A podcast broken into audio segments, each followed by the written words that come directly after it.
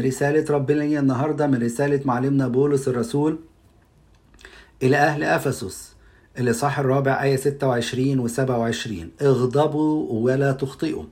لا تغرب الشمس على غيظكم ولا تعطوا إبليس مكانا. خلي بالنا في نوعين من الغضب. في غضب مقدس وفي غضب خاطئ. الغضب المقدس الإنسان يغضب على نفسه يغضب على خطيته يغضب على الخطأ ولكن دون أن يخطئ إلى أحد. مثل سيد المسيح له المجد.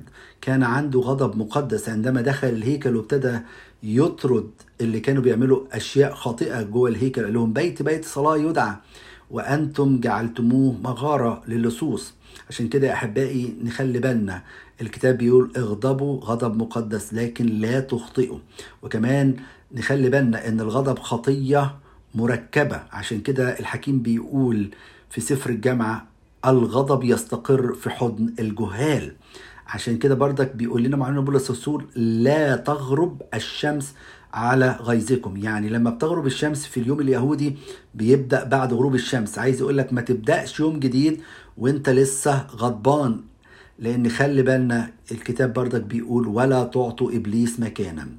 طول ما الغضب ساكن جوه قلبي إبليس قاعد يشتغل ويقعد يجيب أفكار ويودي أفكار.